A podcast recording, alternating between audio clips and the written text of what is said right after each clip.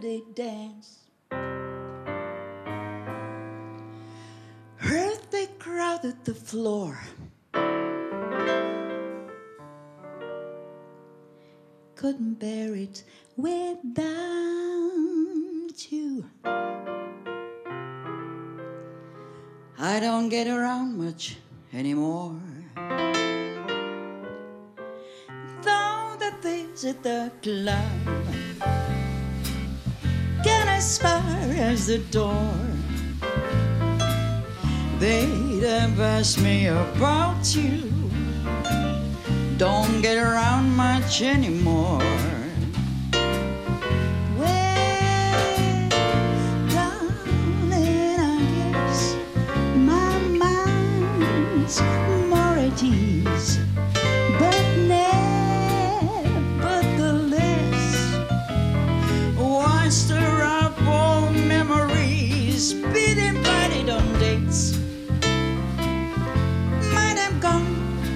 What for? Awfully different without you. Don't get around much anymore.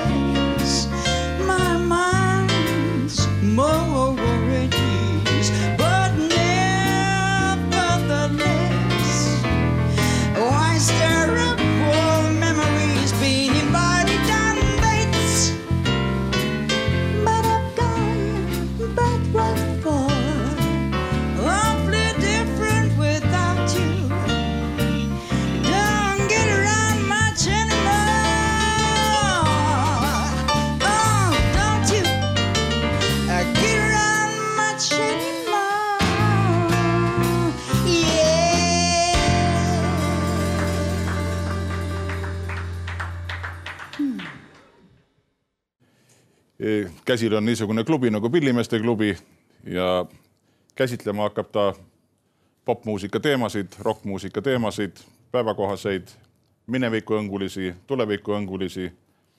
Ja igas saates saab olema üks Eesti tippesineja. ja meie siin Margusega üritame jutuotsa üles võtta. Ja täna on meil külla kutsutud ka minevikku meenutama härra Eeri Klass nii et tere tulemast kõigile, Fiksile, tere, Margus. ja ma võtaks selle esimese. tere tulemast Pillimeeste klubisse, sedapuhku juba Tartu Laululava saalist. ja väike meenutus tuli siia ette, mis oli nagu Pillimeeste klubi teine tulemine, esimesest tulemisest räägime ja saadet me viime läbi seekord mitte enam Margusega, vaid Indrek Kaldaga tere! Ja põhjus on väga lihtne, sest me oleme ära kolinud Eestisse tagasi, Indrek nagu sa ütlesid, ehk Tartusse. just, ja kuna võimalused on ahtakasemad, siis me teeme seda täna moodsas sõnaga podcastist ehk muudame seda formaati natuke, räägime rohkem ja muusikat laseme natukene või vähem, aga seda ka tuleb kindlasti, nii et kindlasti tuleb jah. aga, aga siia algusesse tagasi tulla, sest mul on siin veel üks paber, sest tegelikult Pillimeeste klubis, Indrek seda tead, see algas üheksakümne üheksandal aastal alt kohviku saalist meil siin. mäletan väga hästi seda plaanigi, kui seda sätiti, seda Pillimeeste klubi, tundus imelik, tundus imelik, aga mõtle, kui ammu see oli nüüd, kui ta on täiesti normaalne, et selline asi on olnud need aastad. ja see esimene, esimene mäng, et siin oli niisugune väike jutt ka meil ees, et perspektiivitul päeval, seitsme, seitsmendal novembril, perspektiivitul ajal kell üheksateist, perspektiivitutele inimestele ja esines ansambel Perspektiiv, koosseisus Urse Loja, Mait Paldra ja Väino Land, nii et me olime niisugused perspektiivitoojad. no ja just nimelt, aga aeg oli perspektiivitu, siis meil on tegelikult perspektiiviga aeg, sest me ikkagi väga ootame, et tekiks see tulevikuvaade, et lõpeks see ütleme niimoodi stagnatsioon igas mõttes. ja just nimelt, et ootame ju seda, millal hakkab jällegi aeg, pillimehel tööaeg. ja, ja see oli sõna otseses mõttes see klubi pühapäeviti ta meil käis ja, ja käisime jämmimas.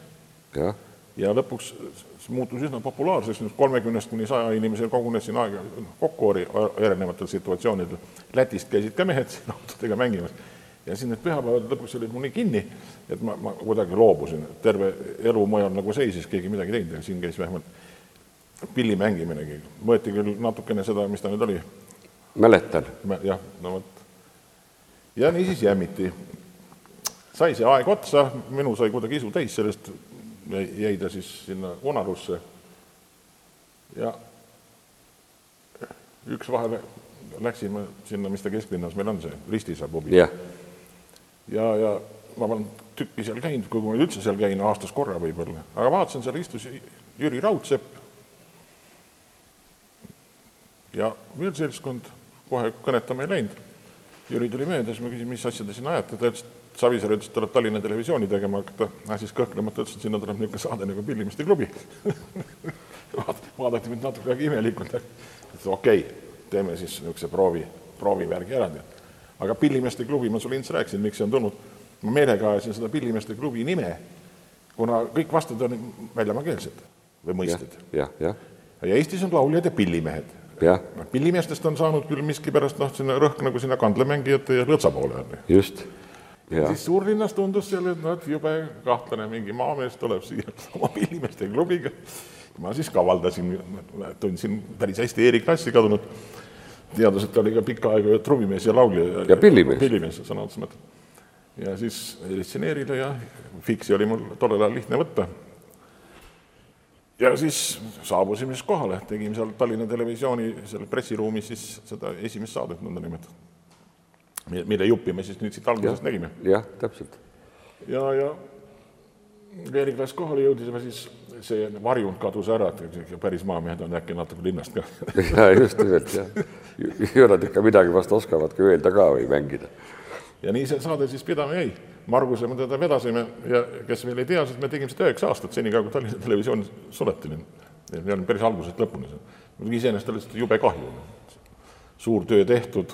jah ei no ta juba kujunes ju niimoodi, et, et ta ikkagi sai juba selliseks noh, nagu tuttavaks ja seda vaadati palju ja, ja, ja minagi ju käisin korduvalt seal ja, ja, ja see ikka võttis juba täitsa tõsise asja mõõdu ju no omal tundus ka niimoodi. Yeah..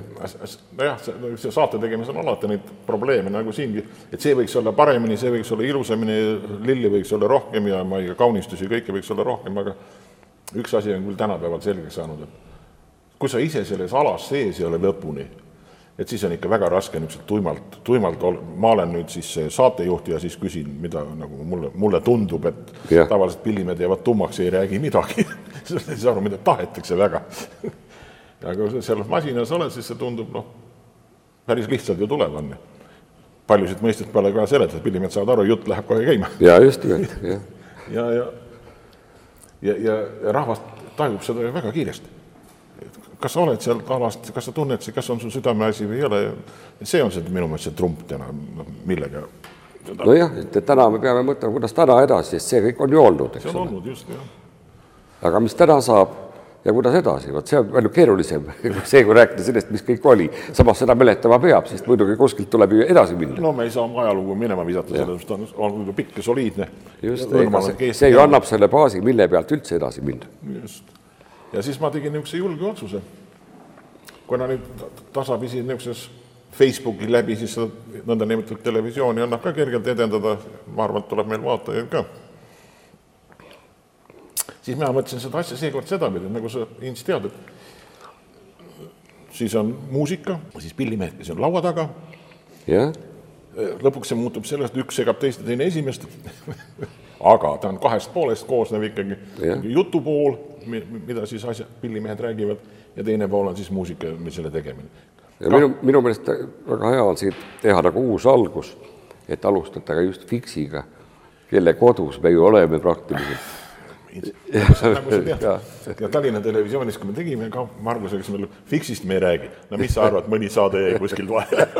no aga no siis on nii noh, siis on nii noh. ja Fixi puhul veel ma naersin. Lauril oli, poeg korraldab kontserti, nagu sa tead, Moostes oli suur galakontsert mina Uuspõldu, noh, olin tere öelnud, paar sõna vahetanud. ja siis oli, tulin ka, läksin kaasa sinna ja Raidmäe Klahka juures siis ajasin paar sõna juttu ja jõudsime muidugi raudselt Fixini, midagi ei olnud teha. ja siis ütleb niisuguse lause, Väino, mis sa muretsed, et see ühiskond on sellest Fixist nii läbi imbunud, ei saa isegi aru kusjuures väga õige on see, et ei saa isegi aru, sest et oskad küll iga, ütleme siin viiekümne aastane, viiskümmend pluss või nelikümmend pluss oskab peast nii mõndagi laulu, ega ta ei anna endale aru, et see ongi Fiksi, Fiksi teene.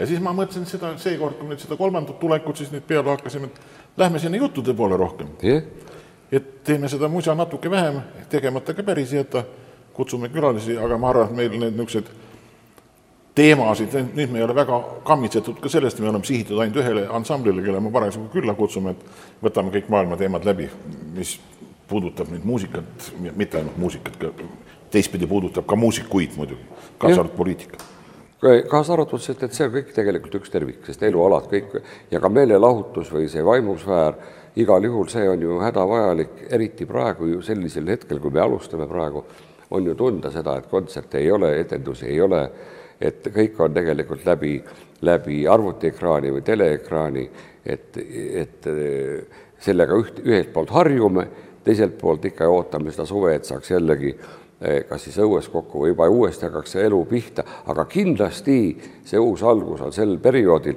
mil väga paljud asjad, asjad eh, koonduvadki ikkagi eh, ekraani juurde, läbi ekraani vaadatavaks. noh jah, see, see on juba täna ilmselt ju paratamatu, et et neid ekraane on palju, lapsed on silmini ekraanis on ju, et tavatelevisioon, klassikaline televisioon on ju hirmus kallis, seal on väga palju saateid, mida ei huvita, Just. inimesed, noored kerivad edasi, vaadatakse kordusi, noh, Pillimeeste klubi on ka parim näide oma puhulgi. seda otsesaadet, ma ei tea, noh, see protsent oli suhteliselt väike, aga kordustes tõusis ta muidugi just üsna kõrgeks et vaatan siis, kui tahan. jah, just vaatan siis, kui tahan.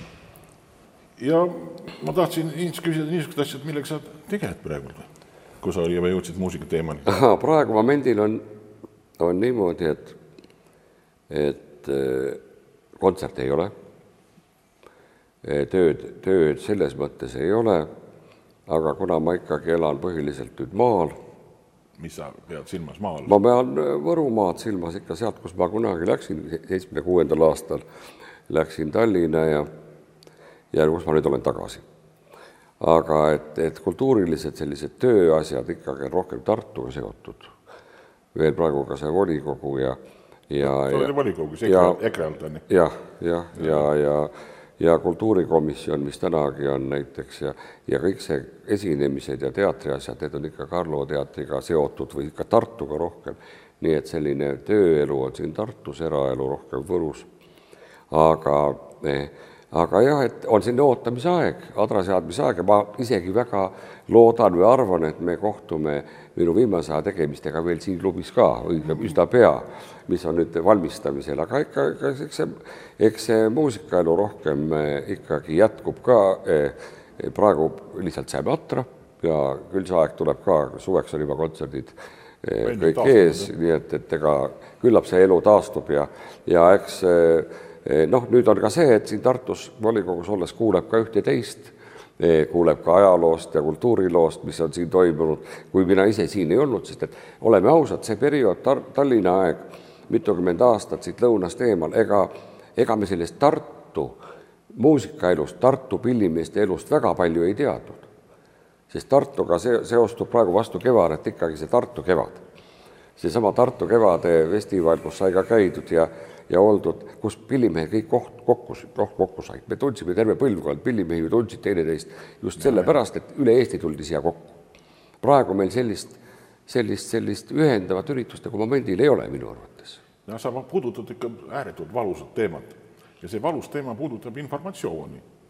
ja nüüd hakkab küsimus, et kui ma ütlen Võrus Pepe, saad aru, mis on sõna otseses mõttes rahvusvahelise klassiga mees, laulja. ma ei tea, mitu inimest Tallinnas teavad. Me ei tea üldse midagi. ma ei tea Võrust täna suurt midagi, Valgast ma ei tea midagi ja ma ei tea tegelikult samamoodi mitte millestki mitte midagi, ka muusika mõttes. ja kus ma seda siis nagu teada saaksin, mitte kuskilt. Just. aga vaata, kui huvitav ja puudutasid sellist teemat praegu, et mis, et Pepe muuseas on minu lasteaiakaaslane. ja eh, me tegime temaga bändi juba lasteaias ja, ja, ja jällegi hea mõte tulevikuks kohtuda ka Pepega kunagi. Me oma, oma niisuguse teraviku, teraviku suuname alla või või Lõuna-Eestisse. Lõuna-Eestisse, loomulikult, sest see, me jääme oma asja. jah, jah, et Margusele ma pean ka ütlema suurimad tänud, aga sa oled, oled Tallinna mees, me ajame Tartu asja. aga Margusega oli tore seda teha, selles mõttes, et Margus on samamoodi hea sõnaga, viskab head kildu no ja ta on ju juba legend, ütleme nii. Aga, aga jah, nendest teemadest veel, mis tulevikus siin teha ja mis täna siis eh,, täna võiks siiski, kui on selline algus ja me alustasime täna Fixiga, siis tänase vahepala võiks ka Fix esitada. no ma vaatan sinna arhiivi, küll me, küll me sealt ühe pool lugu ka leiame. tervet ei ole parasjagu. jah, jaanipäevaks kõrgeks runnel. no aga võib-olla vara, vara võib-olla, sest et, et lubati ju, et aprill on meil eh, jahe. No ma ei usu seda, et ega siis meie kasuks iga päev praegu. jah, aga koroonaga on veel üks huvitav asi. kas sa oled märganud niisugust asja, et see on kuidagi, seda nimetavad show business'i maailma või meelelahutusmaailma Eestis, kus ta on eriti suur ja võimas, kokku inimesi. kõik need vaidlused, korraldajad on ühel pool medalit, artistid teisel pool medalit, aga nüüd see koroona on pannud kuidagi mingis ühises niisuguses mõttes, et ei saa niimoodi olla, et korraldajatel läheb jube hästi, siis artistidel et me ei saa üksteise arvelt niimoodi elada. me oleme see medali kaks külge ja me peame arvestama üksteisega. sõltumata sellest, kuidas ta nimetaks kapitalismiks või mitte. vaba maailm. ja täna on seda tunda, kus, kui noh, me oleme sunnitud edasi lükkama, me ei ole milleski süüdi, me näeme hirmust vaeva. noh, näeme vaeva, kuidas piletiostjatega suhelda meil siin, noh, me ei ole, me ei ole midagi valesti teinud. Ja muudkui tõstame seda masina veel. väga vä- keeruline on muidugi seletada seda, ma kujutan ette, meil ka see korraldaja teatris ütleb, et, et inimesel on väga raske seletada, et ta no ei saagi ei saa teha. aga teine, teine lugu on see, et oleks need artistid nõuaks oma, saad aru, iga selle käigu peal, noh, mis ei, mis annab põhjust, et nad peaks oma nõudma. nüüd on kõik kuidagi kaasa tulnud, kõik saavad aru, et me peame ühiselt sellest supist välja tulema. ja vaata, siin ongi ma see, mõtlen ka rahalises mõttes. no raha on oluline ja, ja ma pean ütlema, et siin on selles mõttes ka väike võrdlus, et need, kes on kogu aeg harjunud eh, siiski jagama neid kartuleid, mis on ise teenitud, nendega on lihtsam. Kui nendega, kes niikuinii on, sõltuvad sellest, kas neile eraldatakse või ei eraldata. et me ei anna siin hinnangut, aga lihtsalt, et me mõtleme, et kuidas on üle elada, minul näiteks jah, ei ole ju ka ma ei kurda selle üle, et aga mul ei ole ka kuskilt midagi nüüd küsida, sest et ma ei ole ka midagi saanud jah, et ma ei ole ka kuskil eelarvel eh, olnud eh, palgal, et nüüd mul tööd ei ole, noh, ennem mul ise vaatasid, kas on tööd või ei ole. praegu on muidugi sõltumatu minust põhjus, miks tööd ei ole. aga noh, mina näen seda ikkagi niimoodi, et lõputult see kesta ju ei saaks. aga tegelikult, kui hakkame mõtlema niimoodi, et meie oleme oma ametis, kui me räägime pillimeestest, muusikategijatest, üle elanud ju nii mitmeidki kriise ütleme, et see rubla krooni vahetus, no see oli vist kõige sügavam. see oli jah, väga selline suurem, vedas muidugi nendel või kes suutsid, kes said, kes, meie näiteks olime palju tol hetkel kukerpillidega välismaal.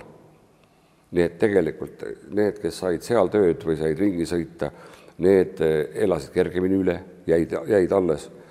ega siis teine, teine üleminekuaeg oli ju veel, oli see eh, kroon, krooni, Krooni, ajast veel eurole üleminek ja siis ka väga paljus see muusika eh, publiku muutus, harjumuste muutus, žanrite muutus. iidolite muutus, kes kes on, kes, et aga teatud vanad mehed on ikka tagasi uuesti ennast ah, sinna no pildile tõmmanud. mõtleme ikka niipidi, et, et hea küll, me, ega me väga täpselt ei tea, mis toimub kuueteistkümneaastaste muusikute ringis praegu.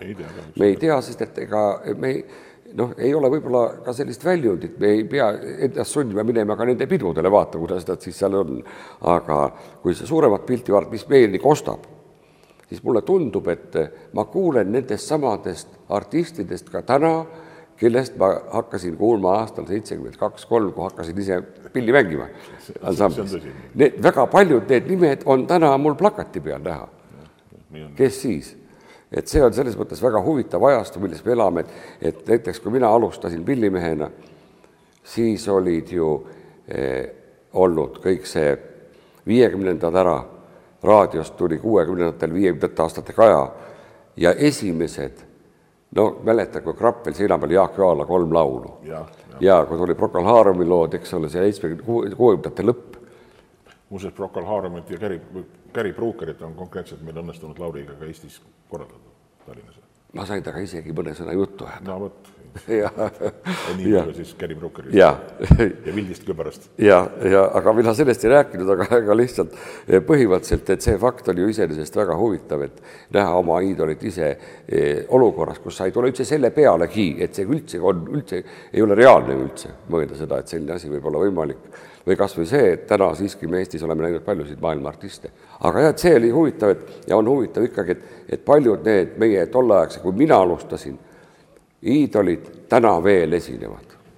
Seitsmekümnendal aastal ma laulsin San Bernardinol. ja nii. Kristi oli saanud kuulsaks seitsmekümnendal, Yellow River käis Sopotis, Sopot, Sopotil võeti otse-heli maha ja see Kristi pärast järgmine aasta, et sa teaksid. Nad tulid peale, venelased kandsid otse üle, ma vaatasin seda. Ja toimus niisugune hull, hull, järgmine aasta võtsid siis venelased enam otse ei näidanud Sopotit. enne käis tsensuur, aga lugu millest tead, Ints? me tegime koos Fiksiga kontserdi Kristiga nii, saad aru. ja me oleme Tallinnas ja Tartus. ja, ja ma tegin Kristil heli. Ints, kui mul seitsmekümnendal aastal oleks keegi öelnud, et ma, Jah. ma oleks öelnud, ma teen, mehed, sellel, sellel aastal teen Kristil heli, ma, ma arvan, ma istuks tänaseni Jämejalas. no just nimelt ja, aga vahva on ju see ka, et, et minu jaoks see Kristi jõudis muidugi läbi nende lugude, mida mina siis kuskil seitsmekümne kolmandal aastal mängisin. aga eelnevalt olime suutnud eh, õega välja eh, pakkuda nime isa jahikoerale, kes oli Kristi. ja siis me kuulsime sellist nime, jah, tänu sellele San Bernardinole. aga nüüd me oleme hüpanud natuke siia, natuke sinna, Ints. Võtame üles kuuma teema või vaatame, kas läheb põnevamaks. no no järjekordne suur sõjaplaan on ehitada väikse kaubamaja kõrvale väike väheke, vähekene suur, suurem maja nimega Süku. mis, tunded sind valdavad, kui öeldakse Süku? siin on nüüd, nüüd tuleks era, eemale astuda üldse sellest eh, poliitikast eh, ja ütleme, maade jagamisest sõna otseses mõttes, et miks keegi mida tahab. Et eh, arvu, lihtsalt eh, mõtiskleda reakodanikuna eh, ja vaadata nagu suuremat pilti. et milliseid vajadusi on meil kahekümne esimesel sajandil Tartus ja mis meil juba on olemas ja millised perspektiivid meid ootavad. no esimene asi, mis meil on juba olemas, meil on tühjalt seisvaid ruume palju. see on nüüd päris selge. Ühe me täitsime täna ära.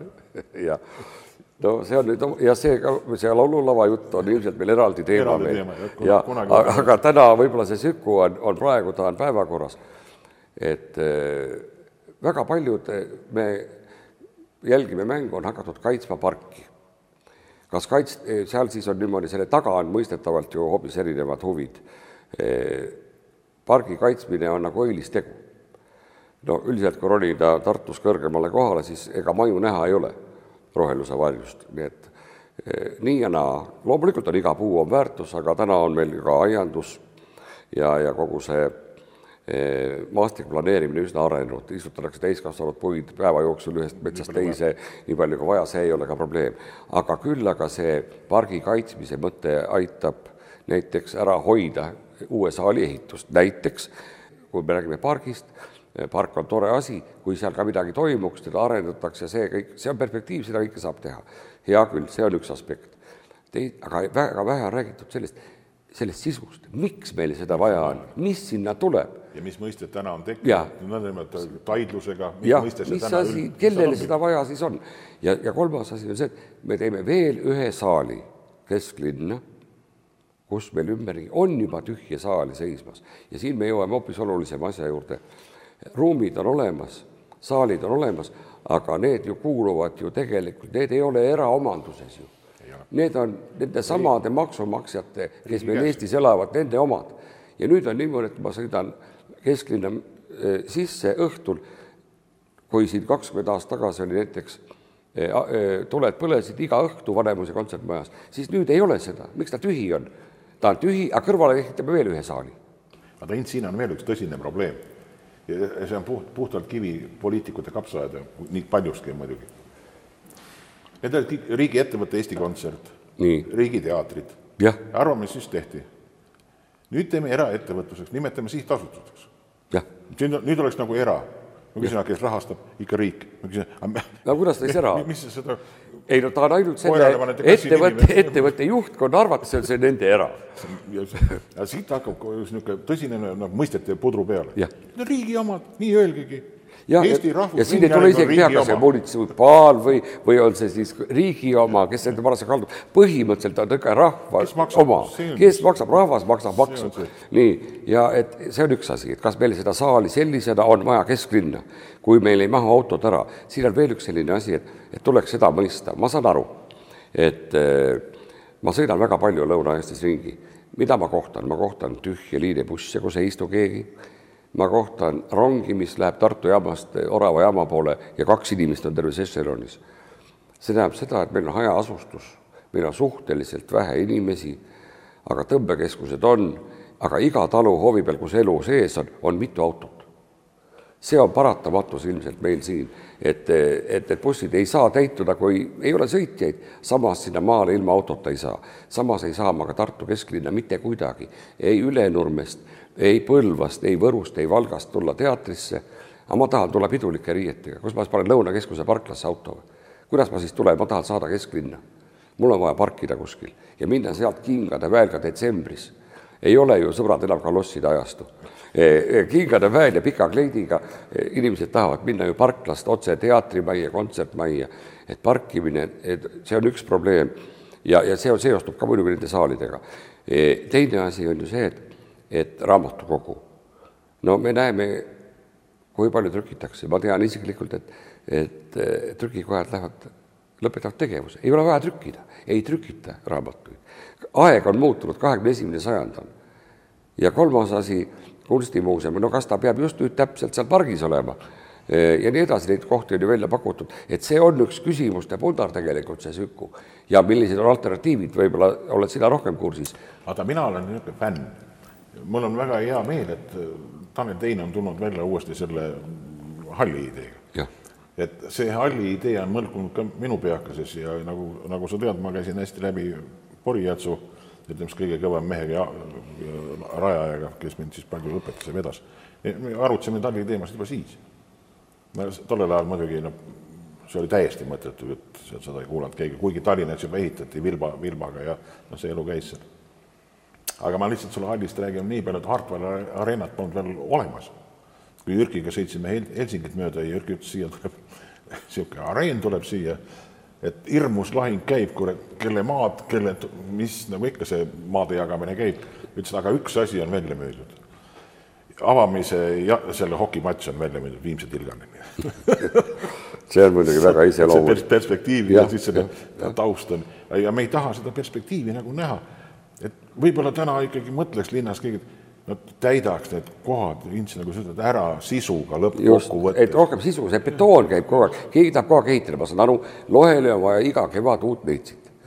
tal on vaja kogu aeg uut tööd, et muudkui aga ehitada, sellepärast et ütles kunagi üks arukas mees, et kui pekki jagatakse, oled peki jagaja, siis midagi ikkagi jääb No on- näppude külge on teine ja, ja põhimõte on see, et kahjuks on see kaadri taga väga palju seda peki jagamist ka, aga eh, eh, me istume siin, me istume ilusas sellises kas või balletiproovisaalis, parkett on maas, tiibklaver on nurgas, me oleme lauluväljakul.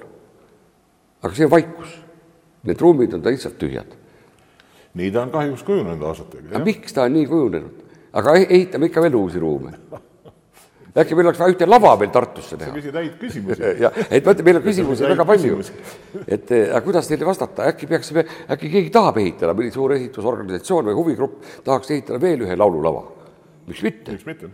kas laululava on siis halb, kuigi ei ole ju halb asi, laululava. aga ma tulen selle halli juurde tagasi, et sellel hallil on omad võlud ja, ja võlu on üks, üks asi on see, et ta tekib, tekitab Lõuna-Eestis tsentrumi ka spordi mõttes, mõttes hallid on universaalsed, nendega on omad probleemid see on ette teada, nad on kõik selle protsessi läbi käinud, paar aastat see toimib, see äriplaan, siis ta läheb käest ära, siis ta lastakse pankrotti ja nii see mudel toimib, mitte midagi ei ole teha. aga nüüd kujuta ette, et Tallinnas seda ei oleks.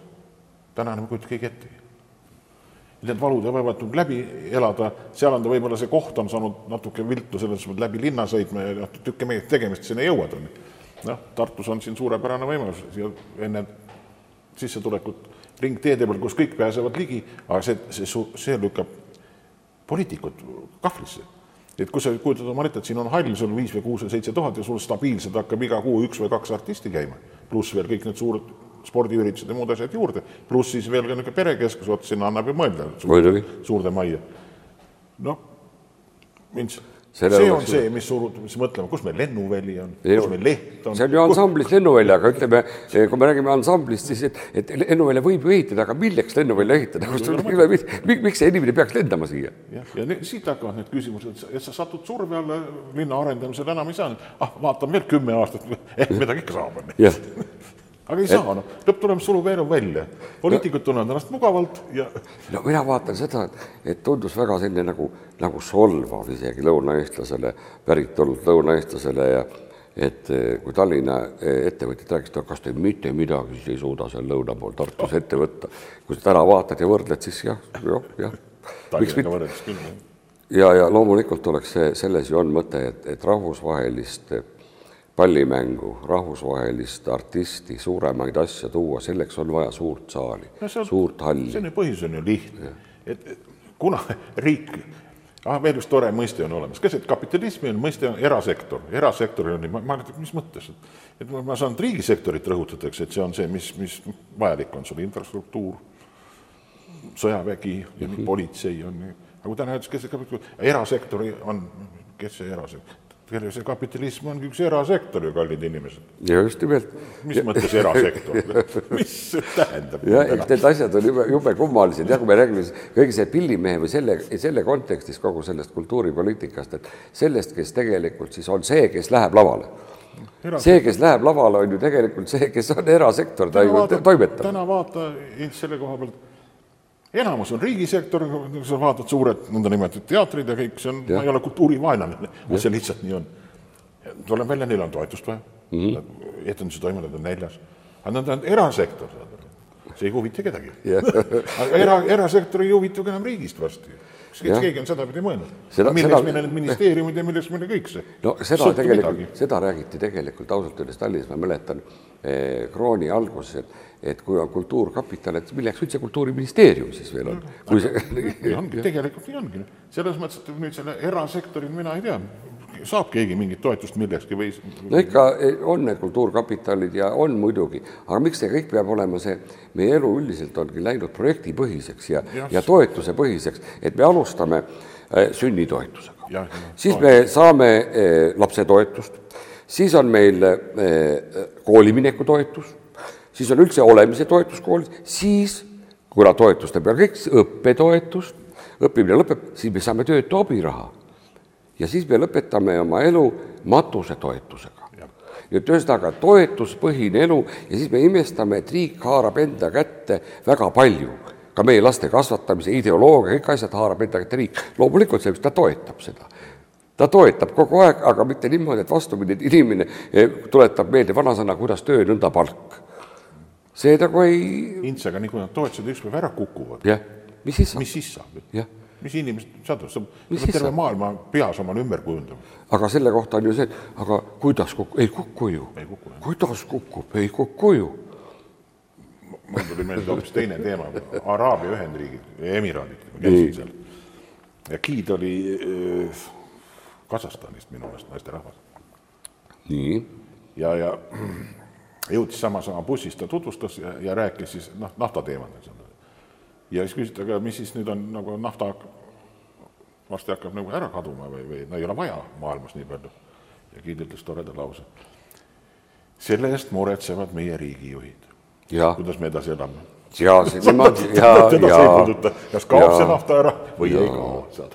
et päris vahva niisugune lause tuli. no me, meil on täna siin Pillimeeste klubi eh, nime all saade eh,, meenus kohe, kuidas riigijuht hoolitseb, meenus ekskursioon Rumeeniasse. ma arvan, kaheksakümne kuuendal aastal või umbes sealkandis.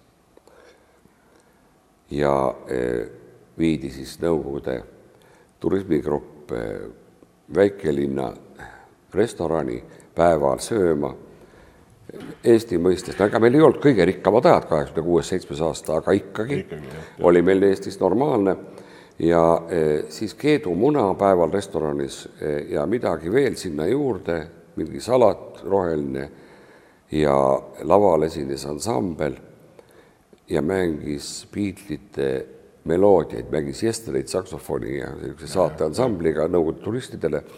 Ja samamoodi giid teatas, et meil on selline suhteline küllus siin, kuna seltsimees Ceausescu isiklikult pö- pöörab tähelepanu meie regioonil niivõrd palju, seetõttu on meil selline küllaltki luksuslik laud, päeval on Beatlesite muusika ja keedumuna. et, et piiritu usaldus ja truudus, eks ole. noh, näed, Vints, millega kõik see muusika seotud ei ole. jaa, absoluutselt. ja seigad ja seiklused, ega neist on plaanis meil ju rääkidagi küll. me jõuame kõiki, aga Ints sa ütlesid ühe toreda lause, et sa tuled kasekesse elama. ma ei lülinud kohe päris sisse, mis sa sellega mõtlesid aga No- kaseke kui, kui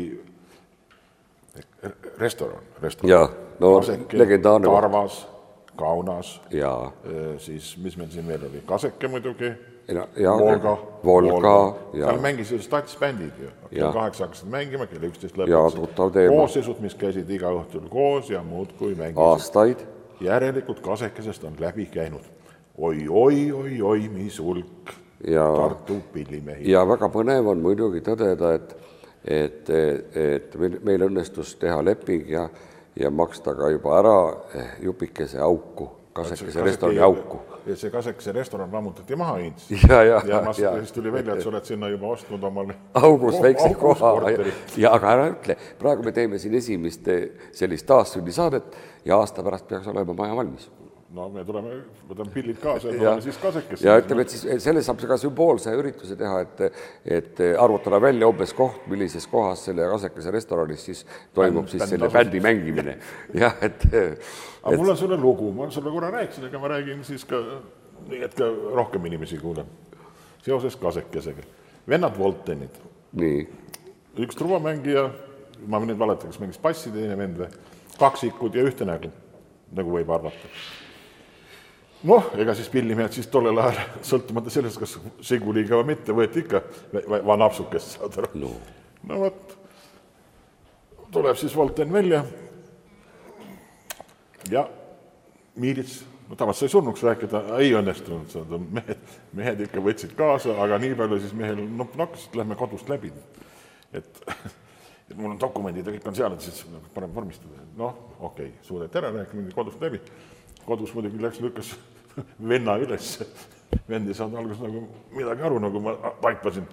ja siis tuli miilitsauto number viis ja miilits on tarvitatud, mees läks sisse, no paralt jala pealt maas ja täiesti kaine. ja see müsteerium lahenes miilitsa jaoks siis, kui nad sattusid kasekesse, kui mõlemad vennad kohal olid ja mängisid. aga hilja. ja hilja, hilja. aga kuidas meil tänase ajaga on? ma mõtlen seda, et palju meil on aega veel saateaega, et kuidas edasi ma Ints arvan, et lõpetame selle niisuguse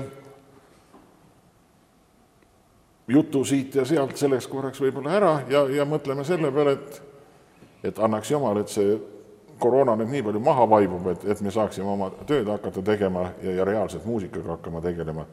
Ja, ja ei pea hommikust õhtuni vaevama ajukest poliitiliste probleemidega, kuigi seda sa tead, mis ma pean sulle ütlema hoiatuseks ja, ja mulgi on juba seda elukogemust kuigi palju, sest et et me ikkagi elame tervikus ühiskonnas, inimesed eh, koos oma hädade, oma, oma unistuste, oma argipäeva, oma elukutsete, oma töötusega, me elame kõik ikkagi ühes süsteemis, paratamatult meie põrkume iga päev selle eetriga sellega, kus on ka igal juhul paras annus poliitikat, sellest me ei pääse niikuinii, läheb ilm siis paremaks või halvemaks. no suuname natuke sinna muusika poole rohkem siis oma vaatevinkli ja loeme tänaseks oma väikse sissejuhatuse ja lõppenuks. lõppenuks, aitäh!